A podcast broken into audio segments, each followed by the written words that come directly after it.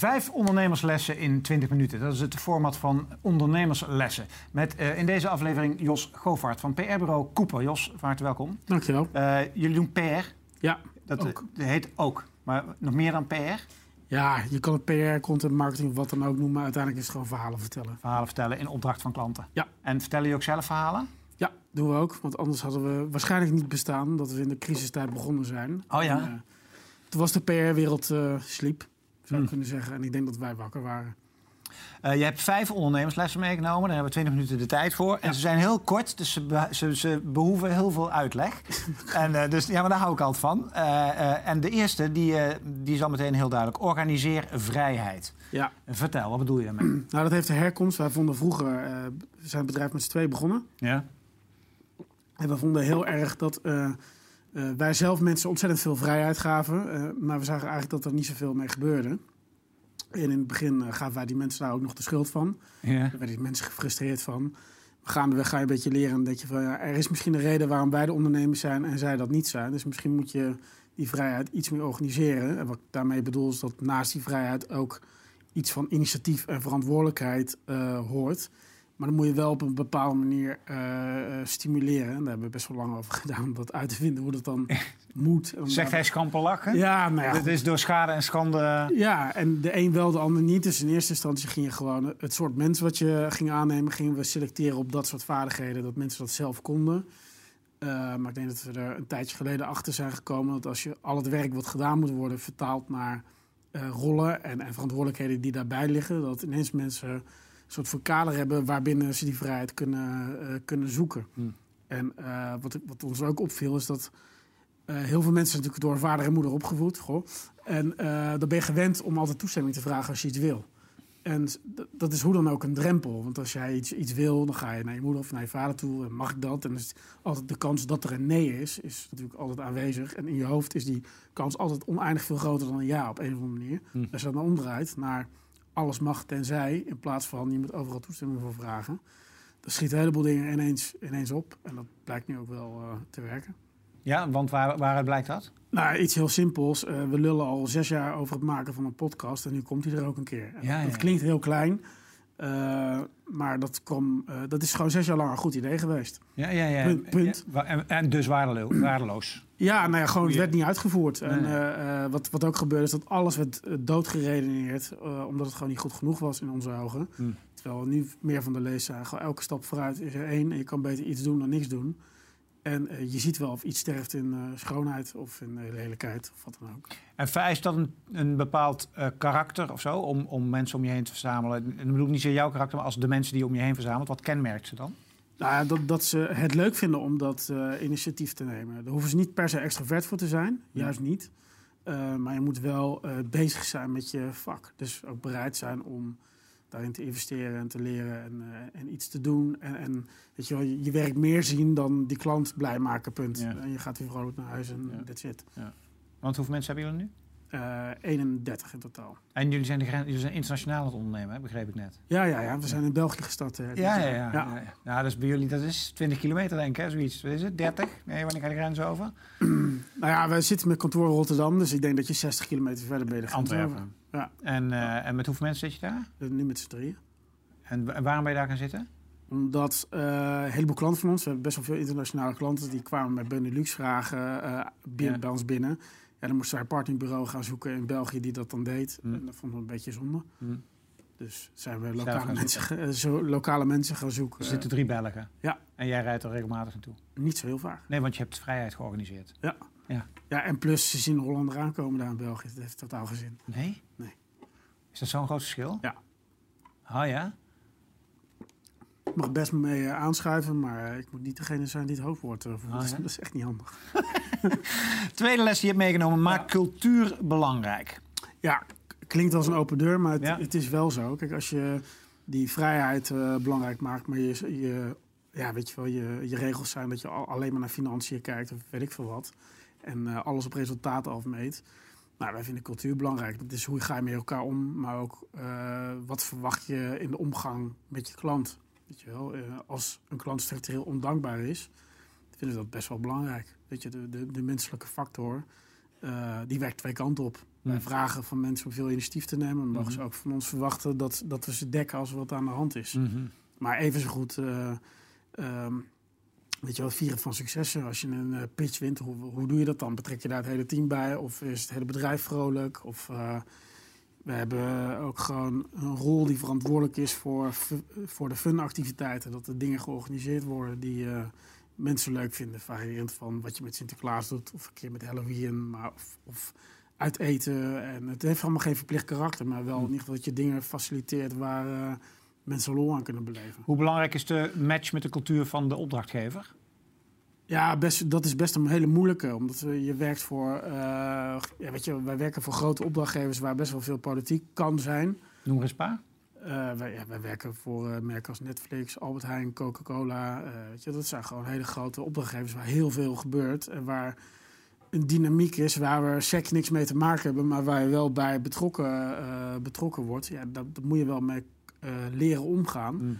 En wij hebben mensen, zeker ten opzichte van de concurrenten die in ons veld actief zijn, die gemiddeld genomen op veel jongere leeftijd dan bij de concurrentie eh, veel verantwoordelijkheid dragen. Dat komt omdat we dat willen, want dat is voor onszelf prettiger, want dan zijn we zeer kwetsbaar als alleen de top in een bepaalde rol zit. Ja. Maar ook gewoon omdat die mensen goed genoeg zijn dat ze daar aan kunnen. Mhm. Vindt de klant ook prettig, toch, volgens mij? Ja, uiteindelijk, uiteindelijk wel. Ja. Kijk, er zijn, er zijn ook situaties waar er dan gesproken wordt over... op dat moment hadden wij meer senioriteit nodig misschien. Ja, wat is dat dan? Mm. Is dat eh, iemand van 50? ja, ja. Wat is senioriteit? Maar ja, die heeft misschien nog nooit een Instagram-account geopend of zo. Ja, v- Zeg het maar. Ja, ja. Uiteindelijk is die klant vooral op zoek van... weet je, dat hele medialandschap is eh, hartstikke lastig. Eh, hoe dan? Wat moet ik Ja, doen? ja. Eh, en dan al die bureaus die er nog zijn... aan wie vraag ik nou wat in godsnaam? Want wat zijn disciplines, wat zijn jullie core disciplines in het bedrijf?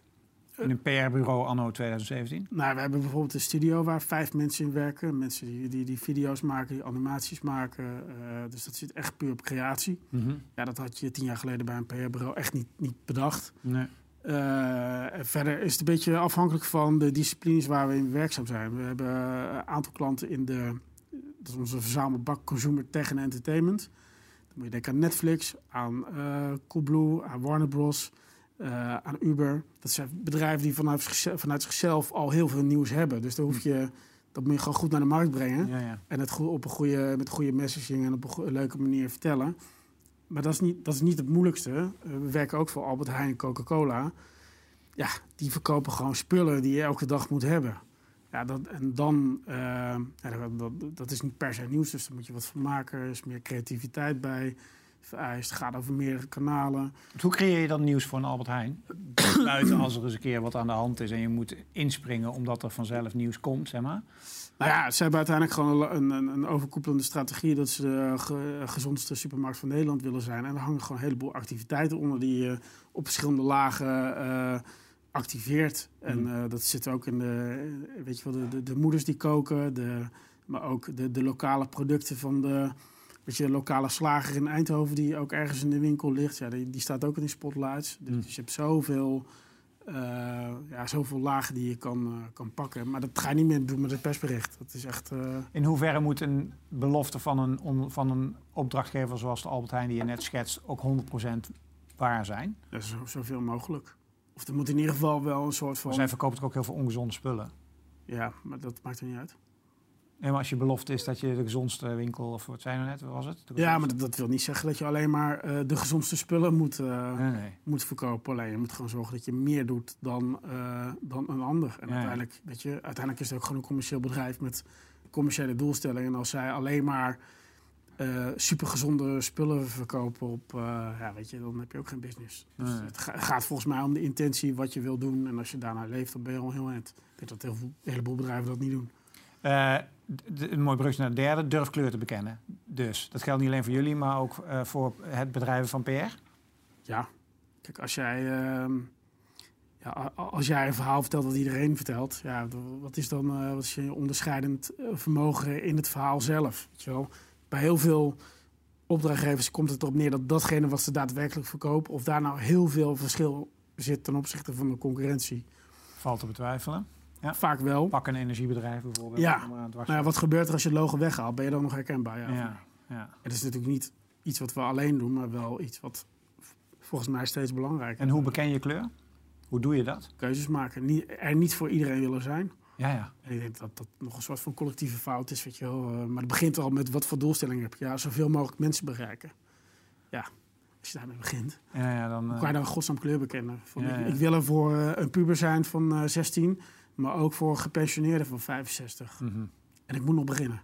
Dat is een veelgemaakte fout? Ja, vind ik wel. Omdat ze groot willen worden of zo? Of aan zoveel mogelijk mensen Ja, gewoon, gewoon kopen? ang- angst om iemand te- te, passeren of te verliezen. Terwijl eh, als jij... eh, kijk, eh, dit geldt zeker voor bedrijven die nog heel veel moeten opstarten. Ja, ki- kies dan maar ergens voor en ga daar... Committeer daar voor eh, twee, drie jaar aan. En ga, ga gewoon verhalen maken op een manier zoals je ze zelf ook zou willen zien. Dat vind ik altijd gepand. Weet je, als mensen gewoon consument zijn, dus aan de andere kant van de tafel zitten, dan vraag je wel, ja, wat kijk je zelf nou? Hoeveel apps gebruik je? Nou, zeven apps op je eigen telefoon. Ik kijk Netflix. Ja, waarom ga je dan nog, eh, waarom geef je nog zo achtelijk veel geld uit aan een televisiecommercial die eigenlijk uiteindelijk niemand wil hebben? Ja. Ja, maar dat is omdat, kijk, het werkt nog. Kijk maar naar dit Excel. Ja, heb je geprobeerd om misschien de helft van het budget gewoon niet meer uit te geven en Om die andere kijken wat er anders? gebeurt. Weet je, je weet gewoon niet wat er gebeurt. Want je bent gewoon bang voor die angst om dat wat je hebt los te laten. Dat begrijp ik allemaal wel. Zeker als de schaal groter wordt. Ehm, maar ja, als je kiest, nou, dan geloof ik zelf veel meer in. Wat zijn de belangrijkste ontwikkelingen die niet die steeds slechter werken, PR-technisch? Ja, eh, ik denk eh, on- onderzoeken. onderzoeken die je door een extern bureau met NS1000 laat valideren. Ja, dat, ik geloof, geloof er zelf gewoon niet in. En we doen ze zelf ook hoor. Ik bedoel, Maar waarom geloof je er niet in? omdat het niet waar is. Want? Nou, het zijn allemaal sociaal wenselijke, wenselijke Ja? antwoorden Ja, ja. uiteindelijk. Hm. En ehm, je valideert iets wat in de praktijk vaak gewoon niet klopt. Alleen. Het is gewoon met als doel om nieuws te maken. En dan denk ik van ja, ga maar zelf zorgen dat je relevant bent. Dan heb je het hele onderzoek niet nodig. Verzin wat voor je klanten wat iets betekent. ja, de uitkomst van het onderzoek, dat is het eerste wat ze hebben bedacht. En dan daarom Ja. onderzoek. Kijk, met wat voor reden ga je onderzoek doen? Is dat om echt iets beter te willen begrijpen? Dan is onderzoek natuurlijk prima. Ja, Maar is dat om nieuws te maken? Ja, dan moet je eraan twijfelen. ja vind ik wel. Maar televisiereclame, is dat al dood? Nee, is niet dood. Nee? Dus het is nog wel zinvol. Ja, ik denk als jij, eh, als jij echt eh, snel eh, tempo wil maken, snel naast bekendheid wil opbouwen, dan werkt het nog steeds wel, denk ik. Eh, mits je voldoende schaal, geld en eh, weet ik veel wat hebt. Maar of het op de lange termijn een, een, een methode is die, die beklijft en waar mensen sympathie voor hebben, dat, eh, ja, dat wordt moeilijk. De volgende blijven hongerig naar nieuwe kennis. Ja. Vertel. Nou, zeker als bureau. Kijk, je, je kan ervan uitgaan dat jouw klant is drukker dan jij gewoon met het hele werk. En dat bedoel ik mee, die, die is gewoon... Stel, die werkt 40 uur, dan is hij 50 uur bezig, gewoon daarmee, punt. En ik denk, als je bij een bureau werkt, moet je laten zien dat je slimmer bent dan je klant. Ja, en dan moet, moet je toch eh, jezelf voor eh, ja, bijspijkeren. En dat doe je niet door naar een cursus te gaan, daar geloof ik niet zo in. Maar dat doe je wel door gewoon zelf dingen uit te proberen door eh, te lezen, te luisteren, met andere mensen te praten. Wat voor materie je ook zoekt, maakt niet zoveel uit. Maar uiteindelijk wil die klant gewoon, aan de ene kant wil die een soort van generalist. Iemand die overal wel een beetje vanaf weet. Maar ja, die wil ook iets wat hij zelf niet snapt. Eh, dus die wil ook een, een, een specialist. Dus volgens mij moet iedereen, heeft met zo'n lelijke term dan een, een T-shaped marketeer of zo. Weet generalist in de breedte, plus van twee of drie dingen echt verstand te hebben. Ja, ja, ja, ja. En dat kan heel makkelijk. Hè? Als jij gewoon een, een paar webinars van iets specifieks volgt... en je gaat in de praktijk gewoon uittesten... dan kom je heel eind. Heeft de gemiddelde ondernemer, eh, is die hongerig genoeg naar nieuwe kennis als het gaat om communicatie en PR? En dan bedoel ik niet zozeer de corporates, hè, de grote merken die je noemt. Werk je ook voor kleinere ondernemers? Ja, meer, meer in dat we hen helpen hoe zij het moeten doen. Ja. Omdat ik vind dat kleine ondernemers moeten zelf het boegbeeld zijn. Want ze zijn de hel- zelf de helft van hun verhaal.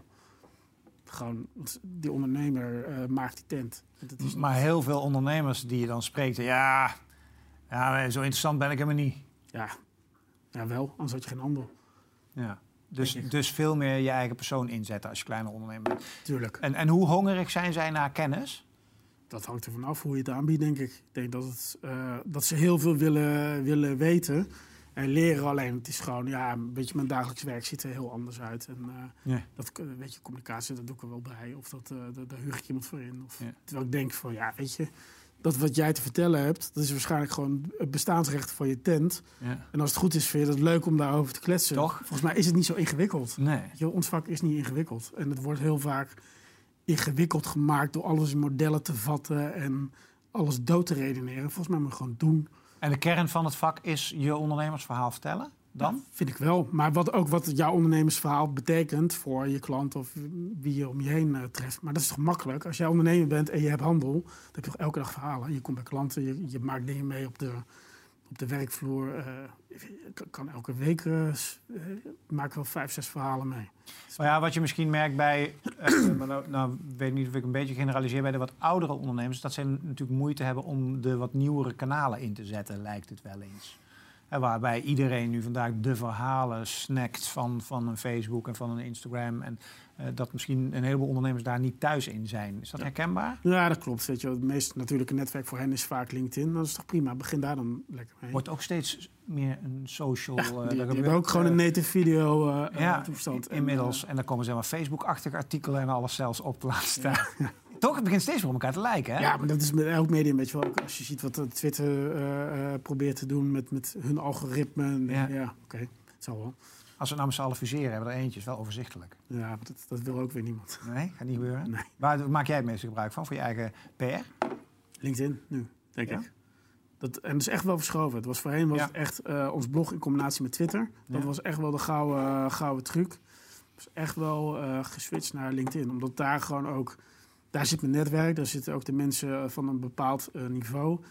En Twitter is, is meer geëvalueerd tot een soort van privé speeltje of zo. Ik weet niet. Ja, of een zender meer van het nieuws. Wordt, de, de interactie is weg, lijkt het wel een beetje. Ja, daar is in ieder geval veel minder eh, dan... Van te halen. En, en LinkedIn wordt inderdaad steeds meer cont gebaseerd, zeg maar, gericht steeds meer op rijkere content, zoals die videofeeds nu. Inderdaad. ja, dat is wel goed. Laatste les die je hebt meegenomen. Daar gaan we nou, ja, practice what you preach, hè, dan maar. Maar deel, deel de echte cijfers, wat bedoel je daarmee? Nou, geld. Eh, als jij eh, wil dat je mensen ook commercieel verantwoordelijk zijn, dan moet je geen zoete broodjes bakken. En dan moet je gewoon vertellen hoe het zit. Eh, en niet alleen dat, maar bij ons zijn ook best wel veel mensen voor een deel financieel verantwoordelijk. Dat wil niet zeggen dat we ze erop afrekenen, zo streng eh, zijn we niet. Maar wel gewoon, oké, onder jouw groep vallen deze klanten. Nou, je- en je hebt, wij hebben gezorgd voor de resources, je hebt, je hebt goede mensen, je hebt een goed team staan. Eh, je krijgt ook een budget wat je kan besteden aan marketing, marketingactiviteiten, opleidingen, whatever eh, je nodig vindt. Ja, daar hoort dan ook, ook een bepaald resultaat bij. En dat maken we gewoon inzichtelijk. En er Ja. zijn ook, eh, mensen vullen bij ons ook gewoon zelf de, op hun klant gewoon de prognose in voor de komende drie maanden. Dan gaan we gewoon kijken, klopt dat? En ja, bij vorige bedrijven waar ik gewerkt heb, werd je soms eens verrast. Ging het ineens slecht? Nou, ik geloof niet dat het bij ons ooit gebeurt. Ja. Eh, het kan best een keer slecht gaan, Maar niet ineens. maar, maar dan zie je het aankomen. Ja, ja. Dat is, eh, dan deel je dat vroegtijdig. ja, dan zeg je, we moeten even op de kosten letten. Of we moeten juist, eh, dat hebben we nu ook gedaan, van hoe kunnen nou het laatste kwartaal kunnen we nog slimme dingen doen. Hmm. Kan er nog een workshop ergens of Ja. iets wat morgen eh, online kan. Wat Ja. je, Waar je omzet mee kan maar maken. het begon in het begin al, gewoon met het, het, het jaar, het eerste jaar dat we bezig waren, hadden ze zo- zo'n krijtbord. En toen hadden we gewoon, op een gegeven moment hadden we, het ging niet over grote bedragen, maar we hebben nog 1750 euro deze maand eh, nodig. Dat stond op het bord. En dan schreef ik gewoon onder, wat kunnen we daarvoor doen? Nou ja, dan ging je het gewoon doen. En dat, dan haal ik het bijna altijd. En ik denk dat dat ook wel het verschil is tussen eh ondernemer zijn bij een PR-bureau versus manager van een, weet je wel, een, een PR-bureau wat uitmaakt van een groot netwerk. Ja, eh, waar je zelf de corporate in loondienst bent die Ja. aanstuurt. dan heb je toch iets minder eh, Ja. urgentie om dat te doen. En nu is het, eh, ja, weet je, het eerste wat eraan gaat is ons, ons, eigen, ons eigen salaris uiteindelijk. Ja. Deel je die trouwens? Die is wat, nou, niet één op één, maar die kan iedereen eigenlijk gewoon zo zien. Dat is niet zo Ik moeilijk. las een voorbeeld van een bedrijf in Amerika. Die hebben dan alle, alle salarissen zeg maar, publiekelijk staan. Nou, dat kan een next level ding zijn. Ook, eh. We denken nu na over wat doe je nou met promoties of met eh, salarisverhogingen. Ja, misschien moet dat op een of andere manier wel een soort van input van de klant versus input van het eh, team. En dat bij elkaar, daar komt een of andere score uit. Ja, wij vinden niks zo vervelend als die subjectiviteit van ja, jij wel en jij niet. Ja, op basis waarvan? Ja, omdat Hmm. ik zie dat je dit goed doet en jij dat niet. Hmm. Ja, dat is eh, discutabel hoor. Hey, en eh, vanuit, eh, tot slot vanuit PR, ehm, eh, moet je dit dan ook doen? De echte cijfers delen? Moet je vanuit je PR-strategie altijd open en transparant zijn? Nee, ja, maar ik vind dat je wel kan kiezen. Ik bedoel, je hoeft niet. open is wat anders dan doorzichtig. Je moet ook wel nadenken over. Kijk, je hebt de communicatie, reputatiegevolg en daar, daar praat iedereen over. Maar je hebt soms ook gewoon een gevolg voor uh, uh, aandeelhouders, financiën, weet je wel, andere en juridische zaken. Mm. Ja, dat moet je, moet je uitbalanceren. En mm. ik merk wel eens dat mensen die niet gewend zijn om PR-communicatie bij grote bedrijven te doen, dat ze heel makkelijk oordeel hebben over wat er had moeten gebeuren. Als, als je zelf op die stoel zit en het gaat ineens over miljoenen, dan wordt het een ander spel. Ja. Waarvan ik wel vind dat je gewoon wel het communicatieve belang en weet je, reputatie gaat natuurlijk lang mee. Dan moet je wel, uh, moet je wel verdedigen. Dus je moet niet klakkeloos in juridische uh, chit-chat meegaan. Mm -hmm. Maar nou, ik vind wel dat je. Uh, datgene wat je vertelt, daar moet je proactief in zijn. dus je moet niet wachten tot er een vraag komt, maar je moet in scenario's denken en denken van, nou oké, ik stel, weet je wel, in april worden alle jaarcijfers gepubliceerd. Als jij nou besluit om dat gewoon een beetje sneller voor elkaar te krijgen, dat je dat gewoon eind februari afgerond hebt. En je, en je zoekt zelf een onderscheidende manier waarop je dat presenteert. Ben je in de regie. En je doet dat in maart, dan ben je in de regie. Ja. En dan... Uh, dan kan je nog veel meer dingen organiseren. Als jij denkt dat er kritische noten te kraken zijn, dan weet je ook vast wel van wie. Ja, nodig ze dan gewoon uit voordat het zover komt. Het, dat, het is helemaal niet zo moeilijk, hè? Nee, maar ja, eh, blijkbaar wordt het vaak wel moeilijk gemaakt. Ja, het en uh, het is ook een kwestie van de Rotterdamse die lullen me poetsen, zeg maar, handen uit de mouwen. Ja, maar ook gewoon, gewoon simpel je verstand gebruiken. Ik bedoel, het is niet... Uh, het is geen rocket Het is geen wiskunde of zo. Toch dankjewel voor het delen van je ervaring en je kennis. Graag gedaan. Jos, Jos van Koeper. En dankjewel voor het kijken naar weer een aflevering van Ondernemerslessen. Voor uh, meer ondernemerslessen, kijk op uh, 7 Daar staan er nog veel meer. Voor nu, dankjewel voor het kijken. Hoi!